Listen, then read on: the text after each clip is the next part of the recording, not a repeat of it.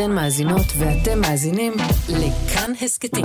כאן הסכתים, הפודקאסטים של תאגיד השידור הישראלי. היום בגבוהה גבוהה נחשוב טכנולוגיה, אשר כמו דג במים עוטפת את החיים שלנו. אז איך היא מעצבת את היחסים שלנו עם העולם? מתחילות. גבוהה גבוהה, שיחה פילוסופית על כל מה שבכותרות, עם ויויאנה דייטש. היי, אני ויויאנה דייטש, אנחנו על גבוהה גבוהה, תוכנית בה מדי שבוע ניקח פיסת מציאות אקטואלית ונפרק לה את הצורה הפילוסופית. השבוע, טלפונים סלולריים, גוגל טרנסלייט, משקפיים ומזגן. הטכנולוגיה מקיפה אותנו מהרגע שבו אנחנו קמות בבוקר ועד שאנחנו הולכים לישון. לפעמים היא נוכחת גם באמצע הלילה, כשאנחנו מציצים הצצה קטנה אל השעון, או קופצות קטנה למזוג לעצמנו כוס מים מהברז. זו לא תוכנית על טכנולוגיה, זו תוכנית על החיים שלנו. אז מהי טכנולוגיה ואיך היא משנה את היחסים שלנו עם העולם? איתי באולפן דוקטור גלית ולנר, מרצה בכירה באוניברסיטת תל אביב ובמכון הטכנולוגי חולון. היא חוקרת טכנולוגיות דיגיטליות ואת יחסי הגומלין שלהם עם בני אדם. שלום גלית. היי, מה שלומך? בסדר, מה שלומך? טוב, תודה. אז בואי נתחיל ממש מההתחלה כדי ככה להיכנס אה, לנושא. מה זו טכנולוגיה? על מה אנחנו מדברות? שאלה נפלאה. כשיענו לי מה זה האדם, מהי חברה, מהי תרבות, אז אני אוכל לענות מהי טכנולוגיה. וואו, וואו, וואו, וואו. שאלה ענקית, ענקית, ענקית. אה, אגב, לא, לא מזמן עשינו תוכנית על מה זה להיות, מה זה אדם, אבל לא משנה. מה זה אדם, כן. כן. לא סתם, היידיגר, בספר הראשון, המונומנטלי שלו, הוויה וזמן, בפרק, בחלק הראשון, הוא מדבר על טכנולוגיה. זה, זה חלק אינהרנטי מההוויה שלנו, מההיות בעולם הזה. אה, ולכן טכנולוגיה היא כל כך חלק מאיתנו, שלפעמים אנחנו חושבים שכל מה שבני אדם עושים הוא טכנולוגיה. מה שכמובן היידיגר יגיד שלא. אבל... אה, אז מה בכל זאת? אפשר להגיד שזה הדברים שאנחנו עושים, אבל זה גם הדברים שעושים אותנו. זאת אומרת, okay. אוקיי. ברגע ש... אם אנחנו חושבים על האדם הקדמון, ואנחנו פה, כמובן שאנחנו לגמרי מדמיינים את הסיטואציה. הולך לו הקוף הקדום, הולך על ארבע, מטפס על העץ, יורד מהעץ, הולך על הרצפה על הארבע, ופתאום מרים איזה אבן או מקל, אנחנו לא יודעים, ובו ברגע שהקוף הזה מרים את האבן ומבין שאפשר לעשות איתה דברים, קורים פה כמה דברים בו זמנית. Mm-hmm. עמוד השדרה מתיישר, ופתאום אנחנו נשים זקופים על שתיים. ופתאום הרגליים הקדמיות הופכות להיות ידיים. שידיים זה משהו שאין לחיות אחרות. אין חיות עם ידיים. ובמובן הזה הידיים שלנו זה איבר שאנחנו חושבים איתו, איבר שמעצב אותנו. זה הדבר שאנחנו עושים איתו את העולם שלנו, עושים את מה שנמצא סביבנו. והדבר השלישי זה שהפנים שלנו כבר לא מסתכלות על הרצפה, אלא הן מסתכלות קדימה ולמעלה ורחוק אל העתיד.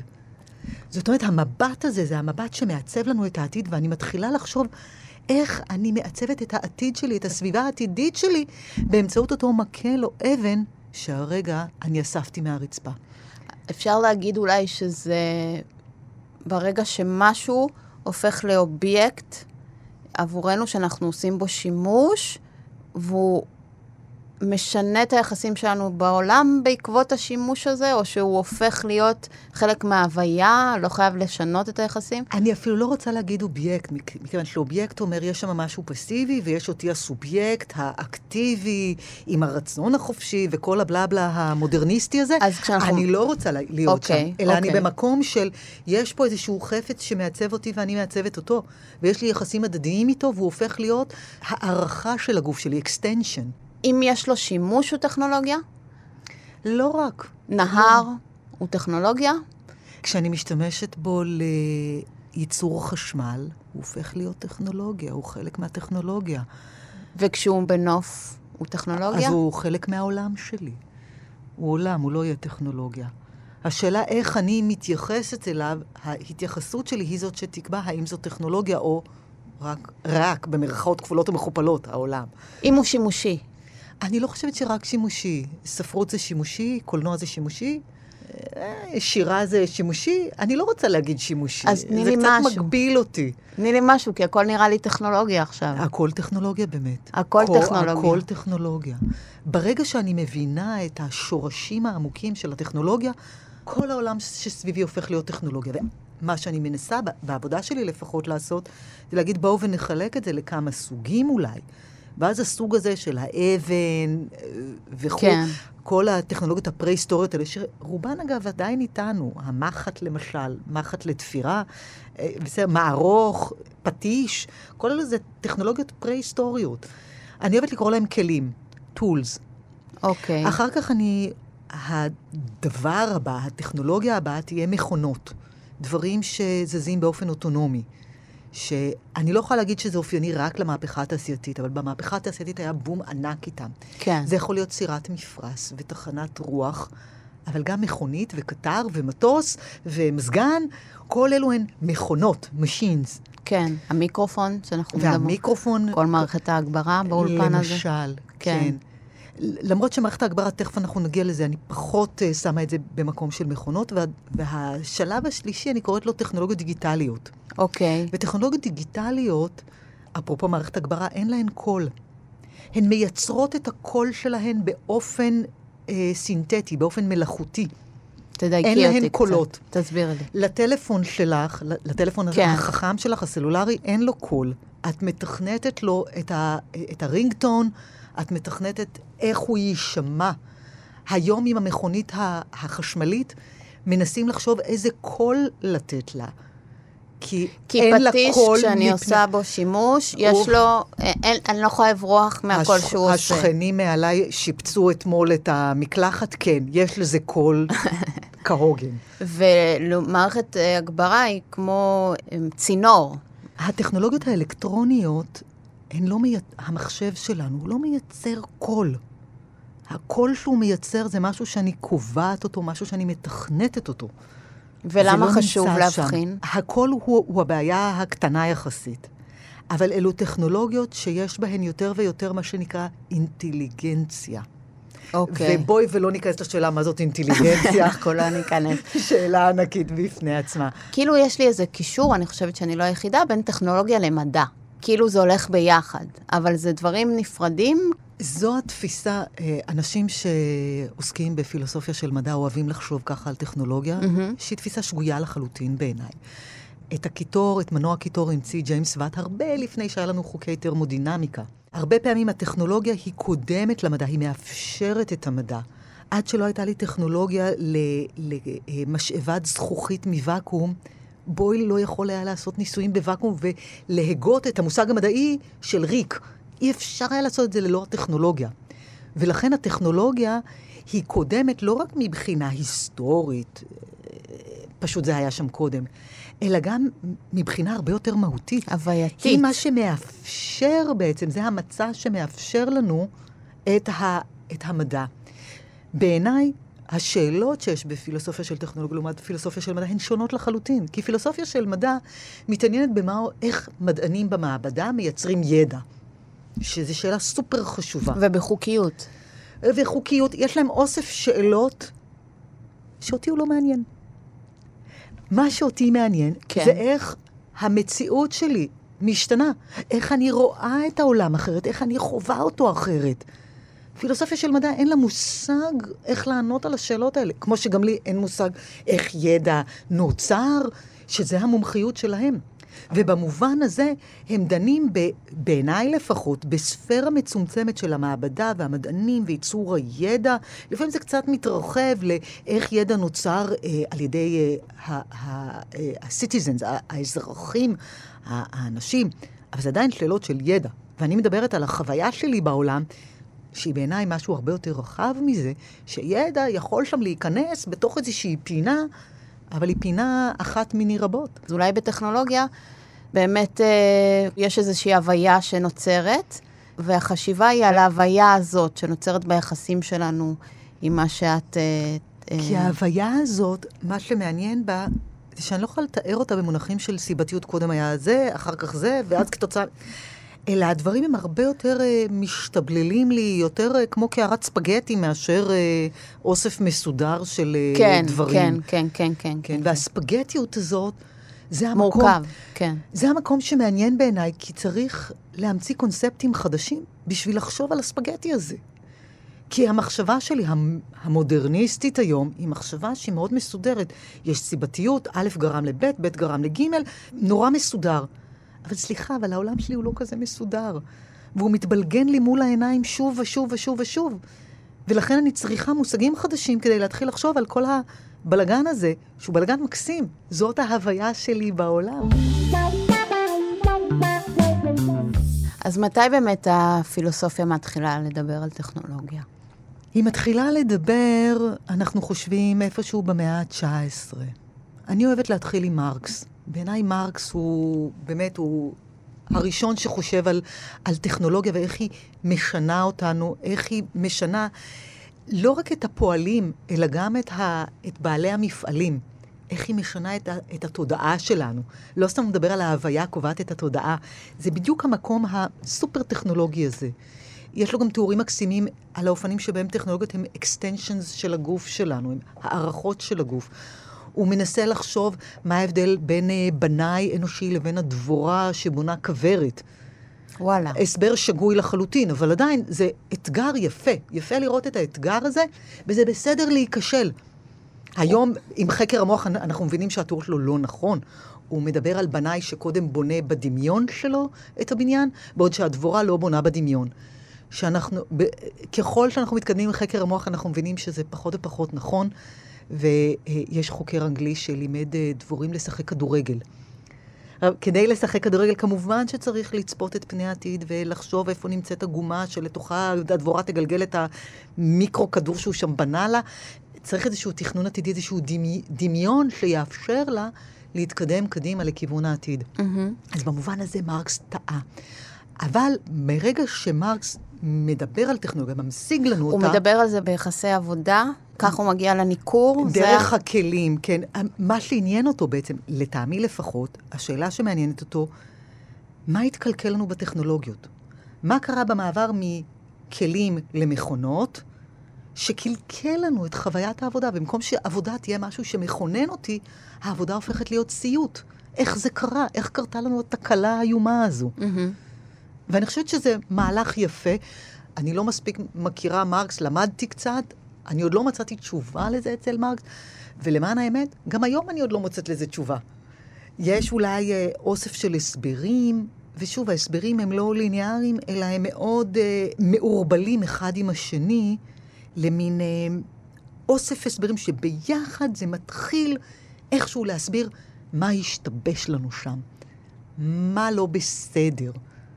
ואני לא יכולה להאשים רק את הטכנולוגיות, אלא אני חייבת לחשוב על החיבור הזה של אדם וטכנולוגיה ביחד. ובחיבור הזה, משהו שם משתבש. זה החיבור, והוא מתאר שם את המהלך ההיסטורי, איך זה קרה. אז מרקס מבחינתי הוא הראשון. אחריו יש, uh, הפעם הראשונה שהמילה טכנולוגיה הוזכרה הייתה בסוף המאה ה-19, פילוסוף uh, די שכוח אל. אנחנו בדרך כלל אנחנו לא, אנחנו לא מתעכבים שם יותר מדי. אנחנו מגיעים לתחילת המאה ה-20 עם אורטגה די גזט, קצת מתחילים לחשוב. שמאיפה הוא? ספרדי. ספרדי. כן, אבל ה...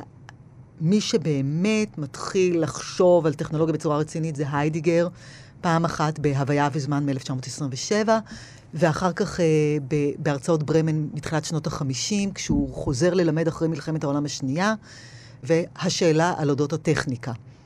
ובואי, בכמה משפטים... אז אני אגיד בגדול, בשאלה על אודות הטכניקה אומר, בואו וננסה לחשוב מה זה טכנולוגיה. זה תורגם לטכניקה, אבל בעצם אנחנו נשאל היום מה זה טכנולוגיה. Mm-hmm. וכשאני שואלת מה זה טכנולוגיה, אני לא רוצה להגיד כל מה שאדם עושה, ההסבר האנתרופולוגי הזה, אלא מבחינת היידיגר, טכנולוגיה זה מה שעושה לי מסגרת לעולם, בדרך המסגרת הזאת, שהיא די מצמצמת, דרכה אני רואה את העולם. והאופן שבו אני רואה את העולם, באמצעות הטכנולוגיה המודרנית, כמו למשל הסכר על נהר הריין, אני רואה את כל העולם בתור משהו שנועד בשבילי. הכל בשבילי. יש חוף ים מקסים בפלמחים, בואו ונבנה שם כפר נופש. למה להשאיר את החוף ככה בתולי ויפה? לא, לא, לא, אנחנו נעשה איתו משהו. למה להשאיר את נהר הריין סתם שיזרום ככה? בואו ונשים שם סכר הידרואלקטרי. למה יש לי סתם אוויר, סתם יער? לא, אני אכרות את היער ואני אעשה ממנו רהיטים. את יודעת מה, מה שאת אומרת? מה גורם לי לשאלה? האם הגוף שלנו הוא טכנולוגיה? בהרבה מובנים, כן. הרבה מאוד מהלכים במחקר ביולוגי שמנסים לקחת חיידקים ולרתום אותם כדי שיעשו משהו שימושי. או אפילו ש... ללכת למכון כושר. או, או ללכת למכון כושר, ו... וכל מיני אפליקציות שנועדו לשפר אותי, שאני אהיה בן אדם אה, מוצלח יותר. כן. אוקיי? Okay? זה, זה המקום שאני עצמי עוברת סוג של אובייקטיפיקציה. אני הופכת להיות אובייקט של משהו שצריך לעבוד עליו ולשפר אותו, כי זה לא מספיק טוב. ולא משנה לאן אני אגיע, זה אף פעם לא יהיה מספיק טוב. בגלל זה דיברת על דמיון אצל uh, מרק. ולכן מעניין אותי כן. המקום של הדמיון. כן. כי מתי מספיק זה מספיק? מתי לביל גייטס יספיקו המיליארדים, או ג'ף בזוס, או, או you name it, יש, יש עכשיו כמה מאות כאלה. מתי מספיק זה מספיק? זה הלוגיקה המודרניסטית הזאת שאומרת, אין גבול. צמיחה, אני תמיד צריכה להיות בצמיחה. שזה המחלה של, של הכלכלה, שהיום אנחנו אוכלים אותה מבחינת מזג האוויר. אנחנו חושבים שיכול להיות ללא גבולות, הצמיחה תהיה ללא גבולות, אה, כדור הארץ הוא ללא גבולות, החלל החיצון הוא ללא גבולות, ואנחנו מתחילים להרגיש את הגבולות האלה, את הכישלון של הפרדיגמה הזאת. היא פרדיגמה שהיא לא הייתה נכונה, ועכשיו אנחנו נושאים בפירות של התקלה הזאת שקרתה לנו. וצריך לתקן אותה. מהבחינה הזאת אני חושבת שפילוסופיה של טכנולוגיה, מהמקום השולי יחסית שלה, כי אנחנו לא מצליחים להיכנס לחוגים לפילוסופיה. הם נשארים עם שאלות של אלוהים, פילוסופיה של דת, דברים כאלה. אבל אני אומרת, סליחה, ביום-יום שלי יש הרבה יותר טכנולוגיה מאשר אלוהים, עם כל הכבוד. ואלו השאלות שהן חשובות. חשובות לי ליום-יום, ואלו השאלות שמתוות לי את הדרך או את הדרכים האפשריות איך אני אהיה בעתיד. ואיך אני אהיה אדם טוב יותר בעתיד, אבל בצורה אחרת מהמחשבה המודרניסטית שאנחנו מכירים אותה.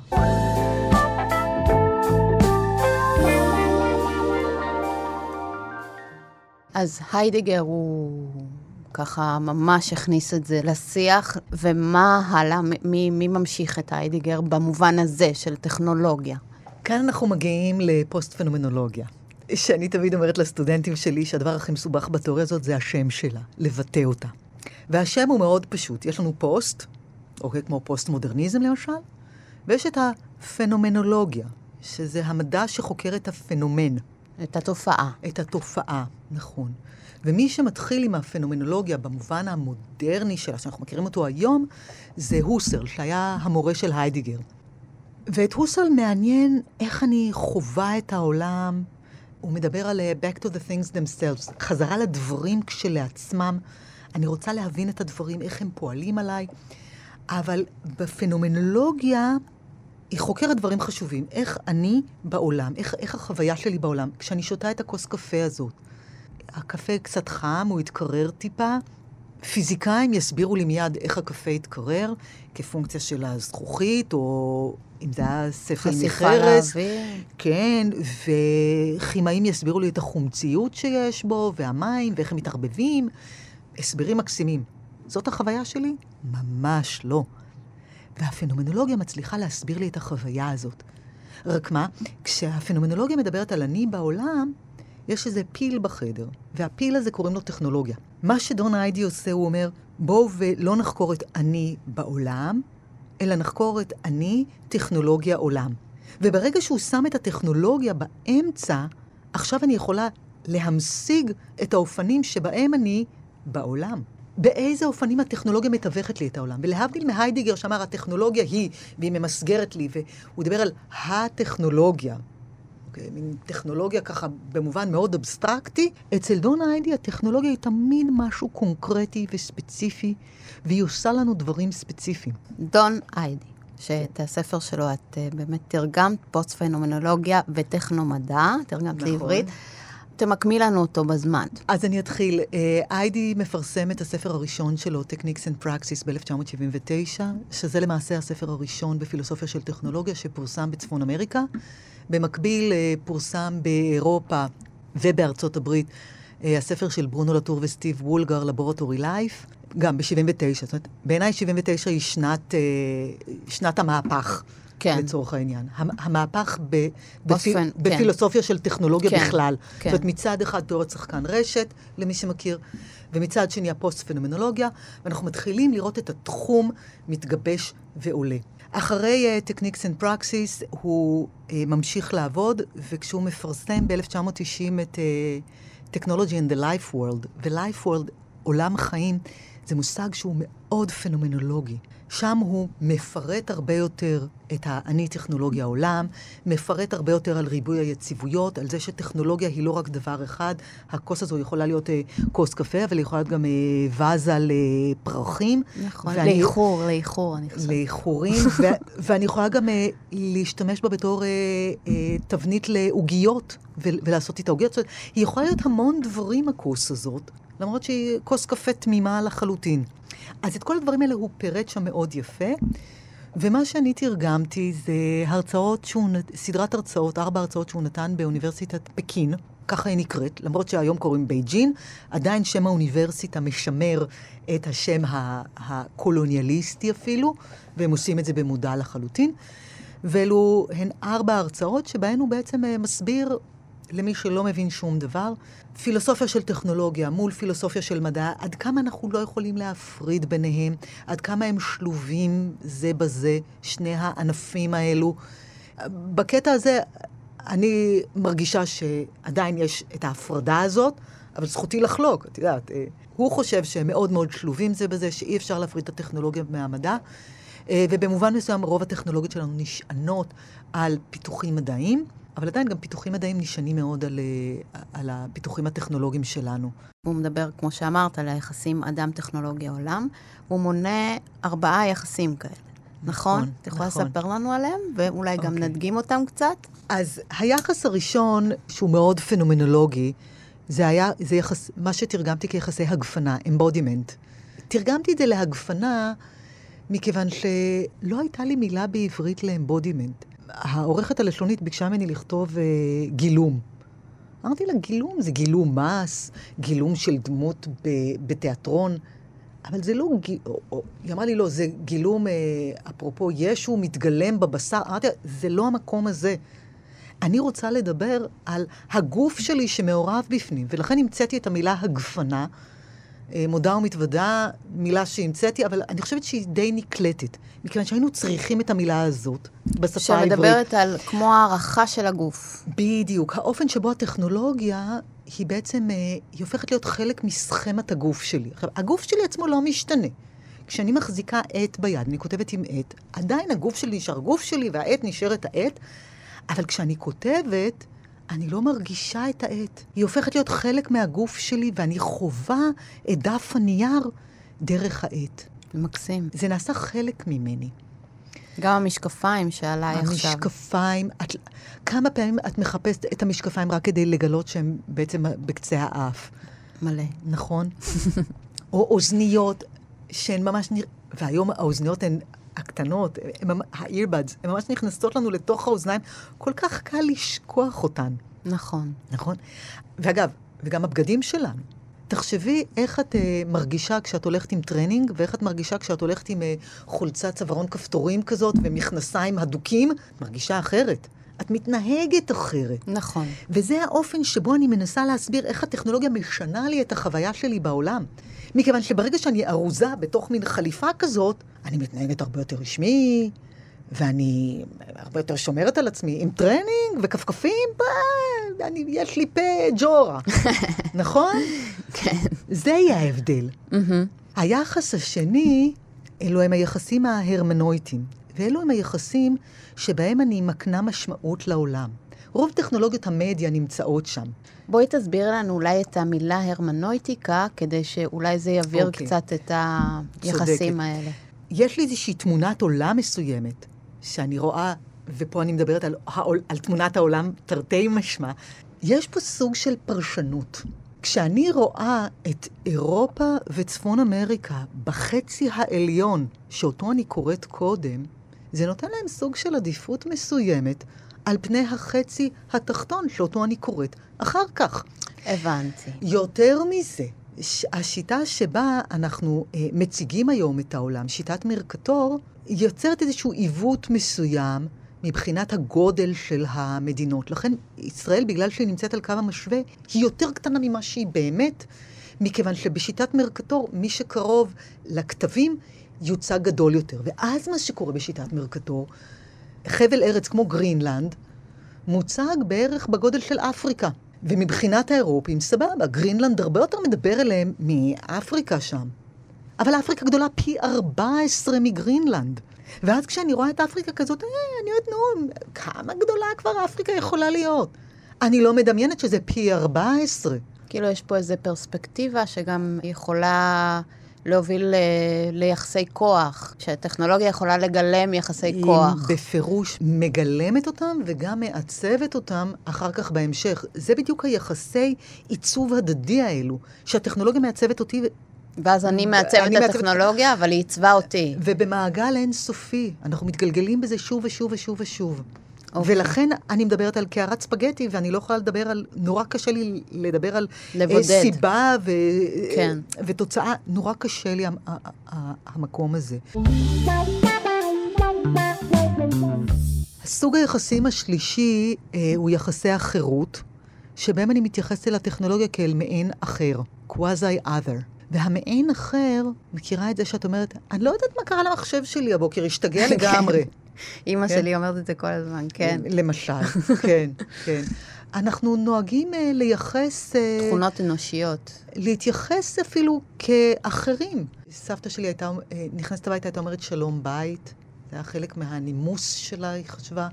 חבר טוב שלי בתיכון uh, קיבל מהוריו uh, מכונית סובארו אדומה כזאת, גרוטה.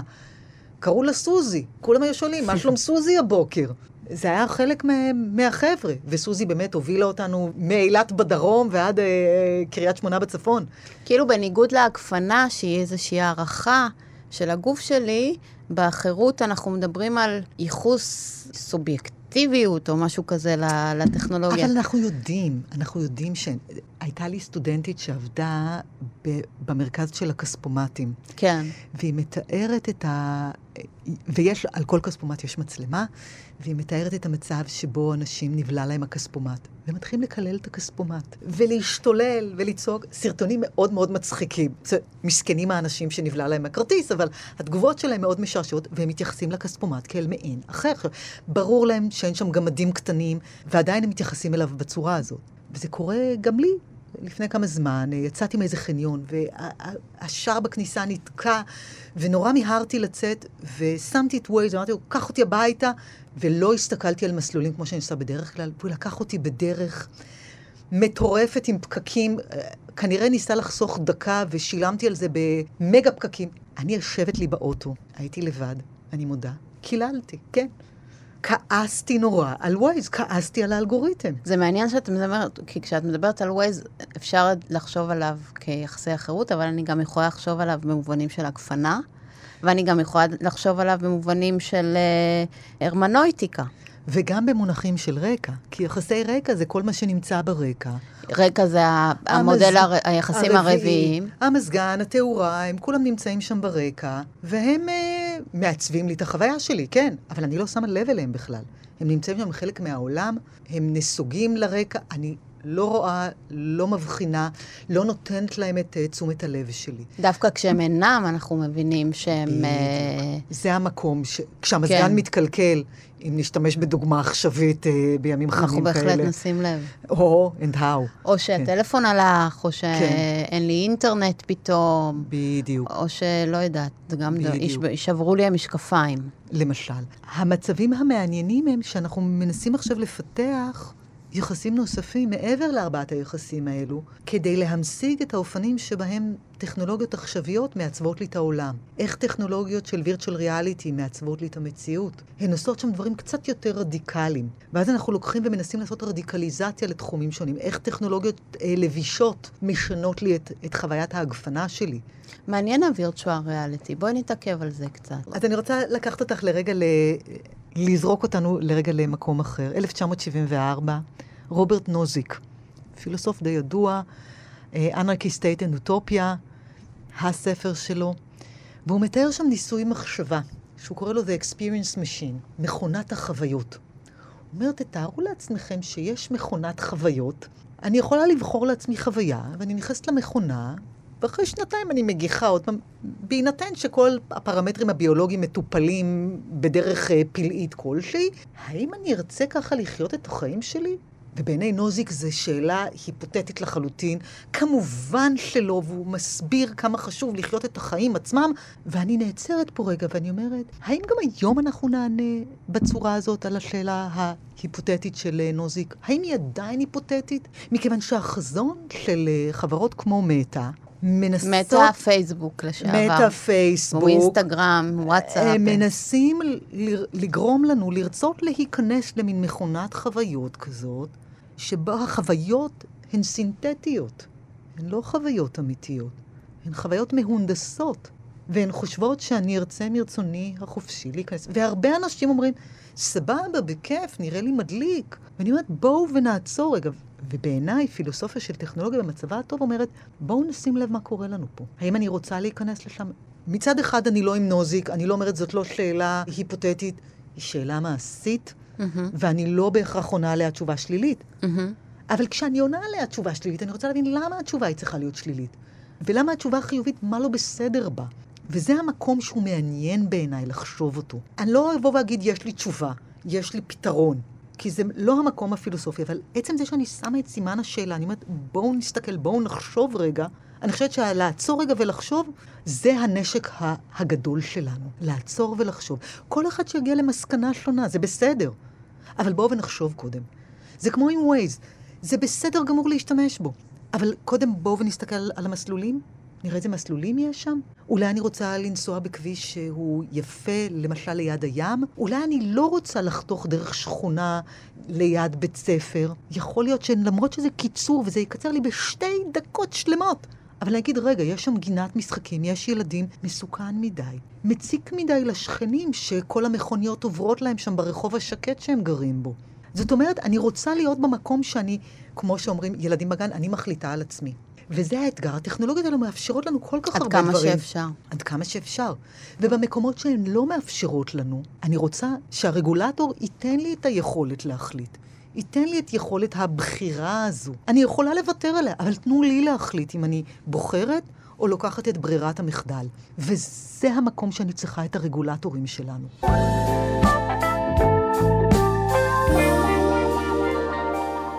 עבור מי שמצטרפת אלינו עכשיו, אנחנו על גבוהה גבוהה, אני ביביאנה דייט, איתי באולפן דוקטור גלית ולנר, ואנחנו חושבות יחד על טכנולוגיה ואיך היא מעצבת את היחסים שלנו עם העולם.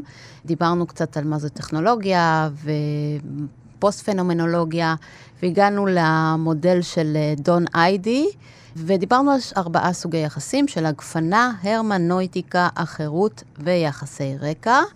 אני שומעת שהפוסט-פנומנולוגיה מדגישה מאוד את ההיבט האינדיבידואלי, כאילו איזושהי חוויית חיים אה, שלך, שלי, ואני רוצה לשאול אותך, אה, מה לגבי תופעות סוציולוגיות, או יחסים חברתיים, יחסים פוליטיים? במקור, אכן הפוסט-פנומנולוגיה היא מסתכלת על האינדיבידואל. אנחנו מדברים על יחסי אני, טכנולוגיה, עולם. נכון. ואנחנו מודעים, יש ביקורת שנעשית ביקורת ידידותית וח, וחברית. חבר'ה, חסר לכם את ההיבט החברתי.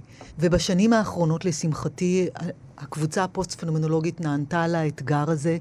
יש עבודה מקסימה של אה, רוברט רוזנברגר מ Georgia Tech, שהוא דן בספסלי רחוב כטכנולוגיה חברתית. ובאמצעות כלים פוסט-פנומנולוגיים, בעיקר כלי שנקרא ריבוי היציבויות, multi-stability, שתכף אני אדבר עליו, הוא דן בשאלה מה קורה עם ההומלסים בערים השונות. כאשר אה, ספסלי רחוב הפכו בידיהן של אה, עיריות אמריקאיות ל anti-homeless technologies, טכנולוגיות גם בתל אביב, הפרדות עוינות. כדי שלא יוכלו ב... לישון בה. בדיוק, ההפרדה הזאת היא לא נועדה להקל עליי, שיהיה לי נוח לשים את היד, או לשים את כוס הקפה שלי באמצע, ממש לא, זה כדי שהומלסים לא יוכלו לישון על הספסלים האלו. אפילו.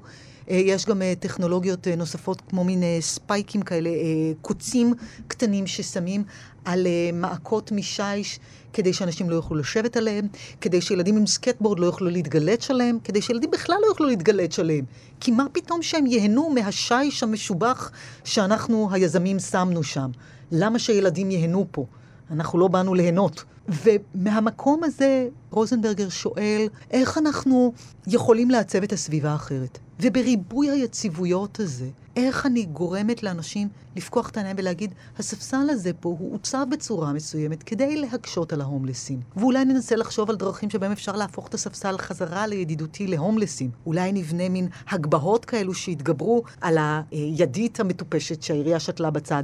נשים אולי עוד כמה ידיות שעליהן אפשר לשים מזרון ועליהם לישון. אתה יודע, אנחנו רוצים להיות במקום שנאבק ונלחם, ואם יש בעיית הומלסים, חבר'ה, בואו ותתמודדו איתה. אל תאסרו עליהם אה, לשכב על הדשא ולשכב על ספסלים, אלא אולי תיתנו להם אה, מעון, מקום שהם יוכלו לגור בו. בארצות הברית זו בעיה מאוד חמורה, ורואים מחזות אה, קשים מאוד של אנשים שנל... שמוצאים את עצמם ברחוב ואין להם ברירה אחרת. אני גם חושבת, נגיד, על uh, עולם האינטרנט, שגם הוא מעצב אותנו ואנחנו מעצבים אותו, והוא לפעמים נראה לנו כאילו אנחנו מקלידות משהו בגוגל, והנה גוגל נותן לנו מגוון אפשרויות וככה וככה, ולמעשה גם פה...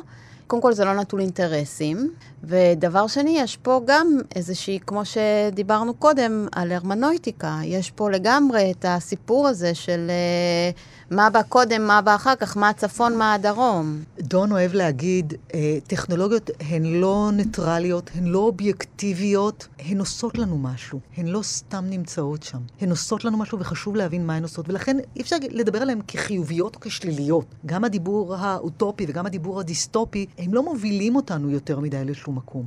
אלא אנחנו צריכים להבין, יש דברים טובים, יש דברים פחות טובים, ובאופן ננסה להתמודד עם זה. כן. ואני חושבת שהמקום הזה, בעיקר בגלישה באינטרנט, אנחנו יכולים להבין אותו. התוצאות שאני מקבלת אותן, בדרך כלל התוצאות המעניינות מתחילות בסביבות עמוד 3-4, ואם אני בחיפוש ממש לא טוב, זה כבר רק בעמוד 7. אז אני צריכה לעבור את העמודים הראשונים עם כל התוצאות ה... גם ה... הממומנות. הממומנות, המס... המהונדסות נקרא להן, כדי כן. לקבל את הדברים שבאמת מעניינים אותי. ואולי אני יכולה לנסות לעצב בעצמי את תוצאות החיפוש, ולשאול כל פעם שאלות חדשות, שאלות מעניינות, שאלות שלא שאלתי מקודם, כדי לאתגר את מנוע החיפוש, כדי שייתן לי בהמשך תוצאות שאני אוהבת אותן. ושוב, זה לא תמיד יעבוד. בתקופה של מונדיאל, למשל, כשכל השכונה רואה כדורגל, כן, גם אני מקבלת uh, תוצאות שקשורות לכדורגל, למרות שזה לא מעניין אותי בכלל, אבל עדיין אני מקבלת את זה. עכשיו, אחד בספטמבר, כנראה שאני אקבל uh, הרבה תוצאות על תחילת שנת הלימודים ולקנות עפרונות ומחברות. נכון, אני מבינה את זה. זה בזכות השכונה שסביבי. כל השכנים, זה מה שהם מחפשים, ילקוטים ועטים, זה מה שאני אקבל. זה הזמן לקנות ילקוט כנראה. יש לי חבר שעושה לפעמים uh, חיפושים לא רלוונטיים בעליל, רק בשביל שלא יטרגטו אותו. לגמרי, כן. ממש uh, מתעקש על זה. כן.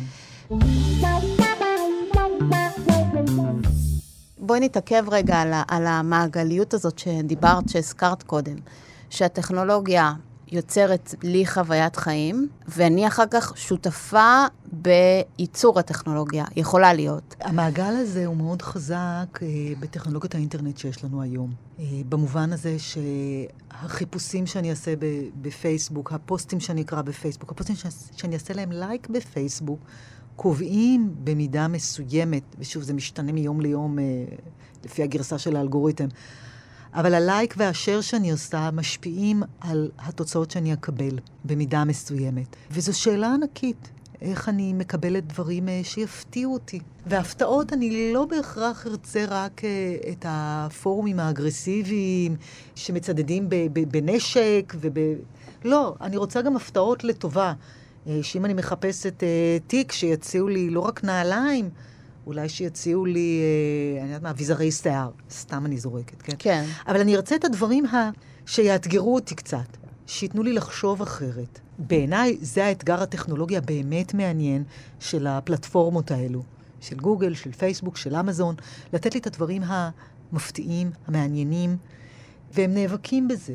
והאופן שבו הם מציעים לי דברים הרבה פעמים נופל uh, בקלישאות. זאת אומרת, הם uh, יציעו לי דברים uh, נשיים במרכאות, שהם יחשבו שאני אוהבת, כי ברגע שהם יודעים שאני ממין נקבה, אז אני אראה כנראה יותר פרסומות לאיפור, אבל אני גם אראה, ופה אני מתחילה לנוע בחוסר נוחות בכיסא, אם אני מחפשת עבודה, אני אקבל uh, פרסומות להיות uh, מורה או מטפלת. אבל פחות אני אקבל פרסומות להיות uh, תוכניתנית. מנכ"לית. אני תוכניתנית. ווואטסאפ עושה לנו תיקונים, מציע לנו תיקונים למילים, למקרה שהקלדנו לא נכון. אבל הרבה פעמים הוא גם מציע לנו, הוא לא אוהב את ההטיות uh, בלשון נקבה. ומציע הטיות uh, ללשון זכר. יש לי תיעוד, קולגה שלח לי, שהוא כתב uh, סמנכ"לית, ווואטסאפ תיקן לו לסמנכ"ל. סמנכ"ל, כן. כן. אני שואלת חברות, מה דעתכן? וואטסאפ מתקן אותי למה דעתכם, ולא דעתכן. וזה הדברים שמצליחים להרגיז אותי. כן. וגוגל טרנסלט, אני לא יכולה שלא להתחנן בפני הנהלת גוגל ישראל, בבקשה, תנו לי גם זכר וגם נקבה. כשאני כותבת I'm a teacher או I'm a lecturer, גוגל מנקד. יש אפשרות ללחוץ, ואז יש לי ניקוד, וזה מורה או מרצה. מה אכפת לכם לכתוב לוחסן מרצה מרצה, מורה מורה? או לא לנקד. תנקדו. אני בעד לנקד. תנו לי אבל גם את הזכר וגם את הנקבה. למה לתת לי רק סוג אחד? זה כבר בעיה שיש לנו בשפה העברית, שגם טכנולוגיה. תנו לי את הלוחסן. יש לכם את הכלים. יש דברים שאני כן אקבל בלשון נקבה, שיתקנו אותי ללשון נקבה דווקא? אחות, מטפלת. מחקר שעשו ב-2017, ואני לא יודעת אם זה עדיין נכון, אני פסימי, I'm pessimistic, או I'm optimistic, הפסימי יהיה גבר והאופטימי יהיה אישה. כן. אז בעצם פוסט-פנומנולוגיה, התחום שלך, מה הוא מציע? הוא מציע, בואו נעצור רגע ונסתכל איך משפיע עלינו ואיך אנחנו משפיעות בחזרה. מה שאנחנו, אני עובדת, יש לי פרויקט גדול עם uh, שני חוקרים uh, מגרמניה ומאירלנד, חוקרת וחוקר, ואנחנו מנסים לבנות אלגוריתמים שלא, אלגוריתמים של בינה מלאכותית שלא יהיו מוטים מבחינה מגדרית. כאשר החשוד המיידי זה הדאטה עצמו, המידע. והרבה מחקרים אומרים, כן, ברגע שהמידע מוטה, גם התוצאה תהיה מוטה. אבל המידע נותן הסבר על ככה וככה אחוזים, 80 אחוז אפילו, הייתי אומרת, 90 אחוז מההטיות, אבל עדיין חלק מההטיות נמצאות גם בלוגיקה עצמה, בדברים שהם הרבה יותר uh, בסיסיים. מה שהפוסט-פנומנולוגיה מאפשרת לי לעשות, באמצעות הכלים של ריבוי היציבויות, באמצעות הכלים של היחסים השונים, אני יכולה להמשיג את האופנים שבהם ההטיות מתרחשות, ולהבין מתי אני אפילו צריכה הטיה. למשל, כשאני מחפשת אה, הלבשה תחתונה, אני צריכה את ההבדלים. אני לא, לא מתאים לי ללבוש תחתונים של גברים. לא נוח לי. והפוך, ולגברים לא יהיה נוח ללבוש תחתונים של נשים. יש הבדלים פיזיולוגיים וצריך להכיר בהם, אבל אני אכיר בהם במקומות הרלוונטיים. ואני חושבת שהפוסט-פנומנולוגיה, למשל באמצעות ההגפנה, אומרת, יש לנו הבדלים בגוף, וסכמת הגוף שלנו היא קצת שונה. ובאמצעות סכמת הגוף השונה, אולי אני גם אחשוב על uh, אנשים שהם uh, מעל משקל מסוים או מתחת למשקל מסוים. אימא שלי קנתה משקל חכם, ברירת המחדל, גבר בן 30. פשוט ככה. למרות שאני משוכנעת שרוב הקונות של משקלים הן נשים. אני לא יודעת באיזה גילאים, אבל למה שלא תשימו אישה בתור ברירת מחדל? כי הגברים הם אלה שתכנתו את, ה, את המשקל הזה, את, ה, את הצ'יפים שלו. כלומר, מה שהפוסט-פנומנולוגיה אולי מבקשת לעשות זה להנכיח. להנכיח uh, את הטכנולוגיה כמעצבת את היחסים האלה שדיברנו עליהם. ולהגיד שיש יותר מאפשרות אחת. ו- זה ריבוי היציבויות. מתוך זה, כן, להגיד שיש יותר, בדיוק. אני יכולה חופש. לעשות יותר מדבר אחד עם טכנולוגיה. הכוס קפה הזאת, הכוס הזאת, כוס הזכוכית הזו, היא יכולה להיות כוס קפה, אמרנו, והיא יכולה להיות וזה, והיא יכולה להיות אה, חותכן עוגיות. הספסל יכול להיות אה, לשבת עליו, אני יכולה לעשות עליו אה, תרגילי התעמלות שונים, ואני יכולה גם לשכב עליו, אם אני mרגישה לא טוב. אצל ילדים ממש רואים את זה. אני צריכה את ה, את ה... אה, תשמרו לי את האפשרויות פתוחות עד כמה שאפשר. שוב, ככל שזה מתחשב גם באנשים אחרים, יש לי מגבלות, אני לא אומרת שזה חסר מגבלות, אבל כמו שאני יכולה לעצב חולצה בכל כך הרבה צבעים וצורות וחומרים, בואו תשמרו לי גם את האפשרויות פתוחות. ולכן ווייז היא אחת מהדוגמאות החביבות עליי, כי הם נותנים לי אפשרות לבחור מסלולים. תחשבי שהייתה לך אפשרות בגוגל ובפייסבוק לבחור איך את תקבלי את התוצאות השונות. זה הדבר שאנחנו צריכים לדרוש מהפלטפורמות האלו. ומאמזון אני, יכול, אני הייתי רוצה לדרוש שלא יציגו לי אולי מוצרים מסוימים, או שיציגו לי סוגי מוצ, מוצרים אחרים. תנו לי יותר חופש בחירה. תנו לי לקבוע איך העולם שלי יראה, לעצב לעצמי את העולם הדיגיטלי. אל תכפו עליי. כי מה שהם היום זה פורמט שהוא מאוד כופה ומאוד דכאני, וגם אם אנחנו לא מרגישים את הדכאניות של זאת, ברגע שאני אומרת, חבר'ה, שימו לב, יש לנו אפשרות בחירה? למה אין לי אפשרות בחירה? אנשים אומרים, וואלה, נכון. לא יכול להיות שכשאני מחפשת כרטיס טיסה, המחירים שלי כל הזמן עולים. ופה אני רוצה לשבח, אגב, את, את הרגולטור שהכי אוהבים אה, להתעלל בו ולהשמיץ אותו, וזה הרגולטור הסיני. עם כל המגבלות וה, צנזורה. אה, והצנזורה וכל הדברים הגרועים שהם עושים, יש דבר אחד טוב שהם עושים, לפחות אחד. הם עושים רגולציה של הגנת הצרכן. ובמובן הזה, הוא מאפשר לי לבחור בשקט. הוא נותן לי את, טווח הזמן שאני יכולה לחשוב, תנו לי 24 שעות לחשוב האם אני רוצה לקנות את הכרטיס טיסה הזה, במחיר הזה. אני חושבת, בשביל לא להשאיר את הדיון, אנחנו לא מדברים רק על האינטרנט, אנחנו מדברים, אז אני חושבת אדריכלות. אני חושבת איך הבית שלנו מעוצב.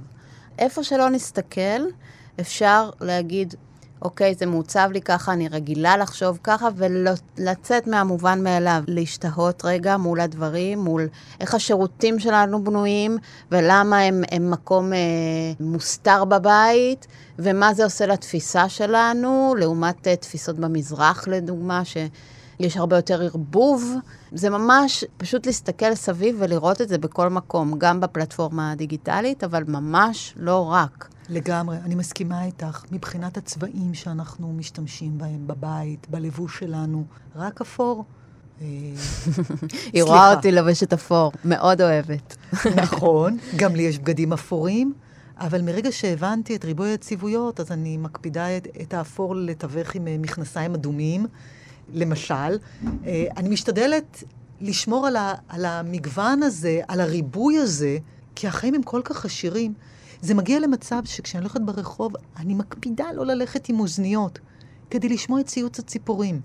ואז כשאני מגיעה, הייתי הקיץ הזה ב- בעיר בגרמניה, עיר מאוד תעשייתית, בוכום, אין שם ציפורים כמעט. Mm. אבל אני בין האנשים הבודדים ששמו לב כמה מעט ציפורים יש שם. מכיוון ש... אני אימנתי את עצמי להסתכל על המגוון הזה. אני מצליחה ליהנות מהציפורים בתל אביב.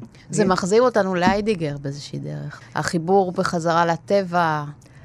זה לאו דווקא חיבור לטבע, כי אני בן אדם מאוד עירוני. את לא תתפסי אותי הולכת אה, במסעות אה, כמעט ולא. אני הרבה יותר נהנית מטיולים בעיר. אבל אני נהנית להסתכל ולהבחין בפרטים, ב, כמו שכשמסתכלים על יצירת אומנות צריך לעצור רגע ולמצוא את הפרטים וליהנות מהפרטים ולשקוע בתוכם. וזה חלק מההנאה, סוג של הנאה שלפעמים אנחנו שוכחים ממנה ולא מצליחים ליהנות ממנה. ואני אומרת, בואו נהנה, יש פה את ה... בחינם, לא עולה כסף.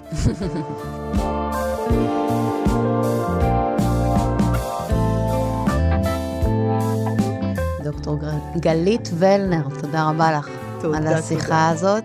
אני ביביאנה דייטש, את כל הפרקים של גבוהה גבוהה אפשר לשמוע ביישומון או באתר של כאן, או בכל אפליקציה שבה אתן נוהגות ונוהגים להאזין להסכתים.